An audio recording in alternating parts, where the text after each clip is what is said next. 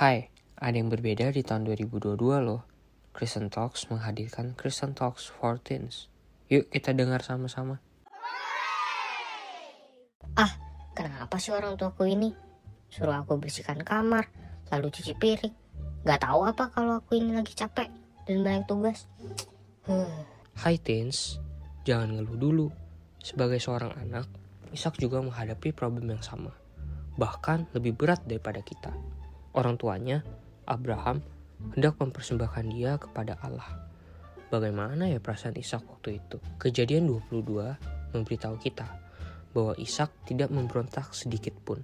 Mulai dari bangun pagi-pagi, memikul kayu di atas bahunya, sambil menempuh perjalanan yang cukup jauh ke gunung. Lalu Ishak diikat dan diletakkan di atas mesbah. Ajaibnya, Alkitab hanya mencatat satu kali percakapan antara Ishak dan Abraham – ini sungguh menunjukkan Ishak sepenuhnya taat terhadap apa yang dikerjakan atas dirinya. So, akhirnya kita lihat karena iman Abraham dan ketaatan Ishak, Allah memberkati Abraham dan Ishak. Teens, dari kisah Ishak menjadi taat itu tidak merugikan kita sama sekali kok. Apalagi sama orang tua kita. Jangan pernah mengeluh untuk apa yang kita kerjakan dari orang tua kita, asal itu positif. Lihatlah bahwa semuanya itu membawa kita untuk belajar taat, dan dari ketaatan itu mendatangkan berkat bagi kamu. Give thanks for everything.